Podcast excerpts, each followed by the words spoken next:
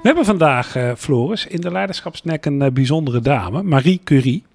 Uh, en die is in mijn ogen vooral bijzonder omdat je die niet in eerste instantie zou associëren met een, een groot leider. Terwijl ja. uh, als je naar haar leven kijkt en met name aan het eind wat zij doet met alles wat zij uit heeft gevonden, en daar gaan we dadelijk echt in de context nog wel even op terugkomen, dan heeft zij wel iets waar je als hedendaagse leider iets van zou kunnen leren.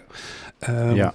Dus vandaar dat het, dat het gewoon goed is om, denk ik, is mee, uh, mee te gaan in, uh, in, in haar leven. Um, laten we dat even samen doen, hè? want zij ja. wordt in 1867 geboren. Polen. Polen. Ze komt uit Polen. Ja? Um, terwijl ze nu natuurlijk bekend staat als Frans. Maar goed, ja. daar komen we dan straks nog even op terug, hoe ze daar verzeild raakt. Ja. Um, nou, de start van haar leven is uh, alles behalve florisant. ze verliest op jonge leeftijd haar zus en ook haar moeder.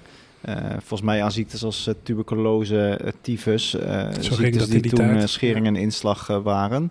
Um, terwijl ze uiteindelijk natuurlijk nog twee Nobelprijzen in de, in de wacht gaat slepen in haar leven. Dus wat is daar dan gebeurd? Dat is wel interessant om even te memoreren, vooruitlopend op wat wij nog gaan vertellen in, in deze aflevering.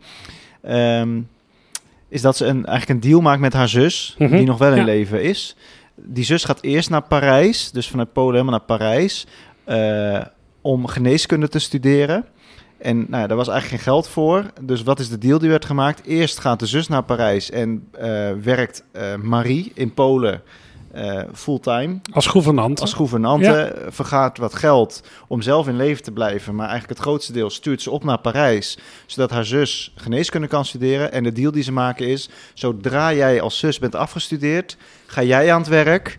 En met dat geld wat jij dan verdient, kan ik naar Parijs gaan om te studeren. Ja. En zo geschiet, volgens mij in nou, 1891, 1892, uh, is uh, zus Marie, zus Curie moet ik zeggen, ja. uh, afgestudeerd en vertrekt um, Marie Curie naar Parijs en gaat ze daar uh, als echte beta natuur, schei en wiskunde studeren. Dus ja. alles waar ik niet voor naar Parijs zou gaan, daarvoor gaat Marie gaat Curie wel naar Parijs. Ja.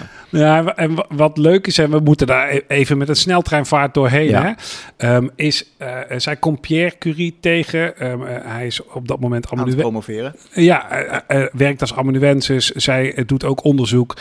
en nou, zij, dat is echt interessant om eens naartoe te gaan, maar voor een leiderschapssnack wat minder relevant. Hè. Zij, zij ontdekken polonium, zij ontdekken radium door um, met pack blenden. een mooie term. ik had er nog nooit van gehoord. Nee, ik, ook niet voor deze tijd. Maar daar halen ze, kunnen zij dus radium uithalen. Zij wint inderdaad in 1903 uh, de Nobelprijs voor de natuurkunde. Maar daar moet dan wel bij verteld worden. Eigenlijk Pierre en een vriend van hen, Becquerel, die zouden die prijs krijgen. En Pierre zegt al, ja, de, de groeten. Dit kan echt niet zonder mijn vrouw die prijs ook te geven. Dat vind ik überhaupt al een prachtig staaltje leiderschap van Pierre. Zeker, dat zeker. moet echt gezegd worden. Ja, ja, want hij had daar natuurlijk makkelijk ook uh, met haar veren kunnen Zeker gaan Zeker in die tijd, ja. ja. Um, uh, uh, zij, zij in 1911 krijgt zij een tweede Nobelprijs. Zij is de enige die, die ooit, ja. ooit twee Nobelprijzen op, een, zeg maar, op verschillende disciplines, onderwerpen, disciplines heeft gekregen. Dus dat zegt iets. Maar nu, wat, waarom zij interessant is als, als leider. want niet kort na 1911 breekt natuurlijk de Eerste Wereldoorlog uit. Ja. Um, met vreselijke verwondingen. Um, nou, hè, daar, hoeven we niet over uit te wijden. Maar wat zij dan doet, is zien dat wat zij kan met röntgenstralen. Um, en namelijk zien van joh, in dat lijf kijken zonder dat je dingen hoeft te doen. Dus zij ontwikkelt wat dan zo mooi heet Le Petit Curie. Dat is een vrachtwagen waar ze een generator op heeft die het mogelijk maakt om die röntgenstralen ja. te genereren. Ja. Um, en daarmee uh, kijkt ze dus in dat lichaam. En dat scheelt gewoon, gewoon heel... Heeft heel veel levens gered, denk ik. Levens gered, uh, ja. maar ook ledematen gered. Van joh, er zit geen kogel meer, dus wij hoeven dit been niet te amputeren. Precies, ja. Um, uh, dat doet zij. En um, leidt ook daarin heel veel röntgologen op om hetzelfde te doen met vergelijkbare wagens. Ja. Um, en weet dus, en dat vind ik interessant, en dan is het, hè, dat komt denk ik haar leidmotief dadelijk ook wel om de hoek. Wat zij dus doet is, zij was een wetenschapper. Zij was een wetenschapper die ehm, eh, eh, vooral uh, ja, zocht naar, naar nieuwe elementen en ziet dan, ik heb iets te doen. En gaat dat doen. Ja, haar blik is voortdurend vooruitgericht. Ja. In plaats van tevreden, uh, achterom kijkend van zie mij eens wat ik allemaal al heb bereikt in dit leven. Ja. Ja. Nou, even, want jij had hem opgezocht en we, we parafraseren hem een beetje, maar wat zij zegt is kijk nou niet naar wat gebeurd is, maar kijk naar wat nog moet gebeuren. Ja.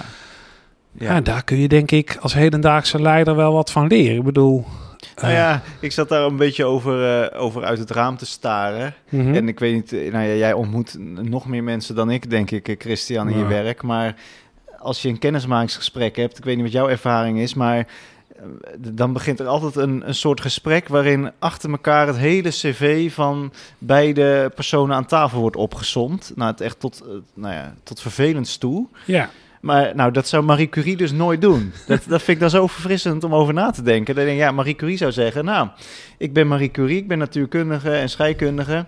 En ik wil uh, dit eigenlijk nog uh, bereiken in het leven. Of ik, wil, uh, ik heb nog plannen om, om dit nog toe te passen en om die toepassing te maken. Dus die is veel meer vooruit aan, aan denken. Ik vind Ja. het toch wel, denk oh, dat, dat zou gelijk een hele andere dynamiek aan kennismakingsgesprekken, denk ik, opleveren. Ja, Dat, dat denk ik ook. In de zin dat, uh, dat zij dus eigenlijk twee dingen um, uh, doet die ik echt wel noemenswaardig vind in deze context. Ten eerste is dat, het, dat zij opeens ziet dat dat waar zij uh, haar leven tot nu toe aan besteed heeft, een, een toepassing heeft waar die gewoon nut kan hebben in, in, in de werkelijkheid van alle dag op dat moment. Ja. Dus zij stapt als het ware naar voren. Zij stapt uh, in, een, in een voor haar nog weer onbekende wereld. Het was een wetenschapper die gewoon naar het front rijdt ja, met een hè? vrachtwagen. Ja. En daar zegt, want hier kan dat wat ik te bieden heb, wat ik heb ontdekt, kan ik hier op deze manier inzetten. Dus zij is daar nooit naar op zoek geweest, maar is wel zo gers, om even die hele hippe term uit de jaren 50 te gebruiken. Maar zij Vandaar is, dat ik hem niet ken. ja. nee, maar zij is wel zo bij de hand om te zeggen, hey, hier heb ik wat te doen. Ja. Uh, dus zij wordt daarmee eigenlijk een soort van uh, uh, on, zelf onbedoeld een leider. Uh, dus zij stapt naar voren, is niet een. Uh, hè, dus voor mensen die een, een taak hebben uh, en, en zoeken naar strategieën, hebben wij al heel wat snacks ja. opgenomen waar je inspiratie hebt. Mensen met visie, heel inspirerend. Ja, en. maar als het daarbij blijft. Is Precies. het beperkt. Want zij doet eigenlijk iets anders. Zij, zij, zij, als je nou iemand bent die zeg maar onverwacht iets, iets voelt, er moet iets, dan kan zij wel inspirerend zijn door te zeggen, ja, maar dan, dan moet je dus toepassen wat je kunt. Dus dat vind ik uh, uh, het eerste wat, wat wel heel erg interessant aan haar is. Ja. En dat zie je dus eigenlijk ook al aan het begin van haar leven, toch? Eigenlijk ja. wel. Ja, jij bedoelt wat ze met haar zus doet. Ja, eigenlijk zie je daar ook dat leidmotief al, al, al, ja, uh, al oppoppen. Ja, ja, ja zeker. Want, want daarin is ze dus ook vooral aan het kijken van... joh, wat zou ik nu kunnen... wat kan ik nu doen om, nou ja, hè, mijn zus te helpen? Ja. En, en, daarbij ook wel kijken. Want dat is het tweede wat heel mooi is... is dat zij um, uh, wel dus die toekomst... zij kijkt naar die toekomst. Zij kijkt dus steeds wat is er nog te doen. Ja, ja. En is helemaal niet zo bezig met haar eigen uh, promotie uh, of uh, haar eigen zelf. Daar zit denk ik de crux. Ja. ja. Ja. Het gaat om de zaak en niet om de persoon. Om haar Ja. eigen persoon. Ja. En dat is wel Ja. een stijl die. ehm, ja, ik, dat weet ik niet. Hè. Misschien komt dat ook makkelijker als je komt vanuit zo'n oorsprong als zij. Dat, dat, hè, zij werd er als het ware toegeroepen. Ja. Ehm, maar kijk dus vooral wat is, her, wat is er te doen en niet wat heb ik al gedaan. Zij teert niet op oude roem en eer. ja. Mooi wel. Ook in deze tijd, denk ik. Ja, ja. Ja. zeker. En, en, en, en daarmee misschien niet de meest eh, eh, logische waar je aan denkt als je een leiderschapssnack opneemt. Maar wel Ook een hele veel om hem aan te spiegelen. Ja, Ja, ja. Dus ja, dat is misschien meer. Het is misschien meer iets om aan te spiegelen. En misschien is mee te geven aan mensen waarvan je denkt van... hé, hey, maar jij zit wel op een heel... Hey, je zit op een heel interessant spoor. Bent nu misschien niet bezig om uh, uh, inderdaad ergens een leidende rol in te nemen. Maar je zou dit verhaal eens kunnen vertellen aan mensen...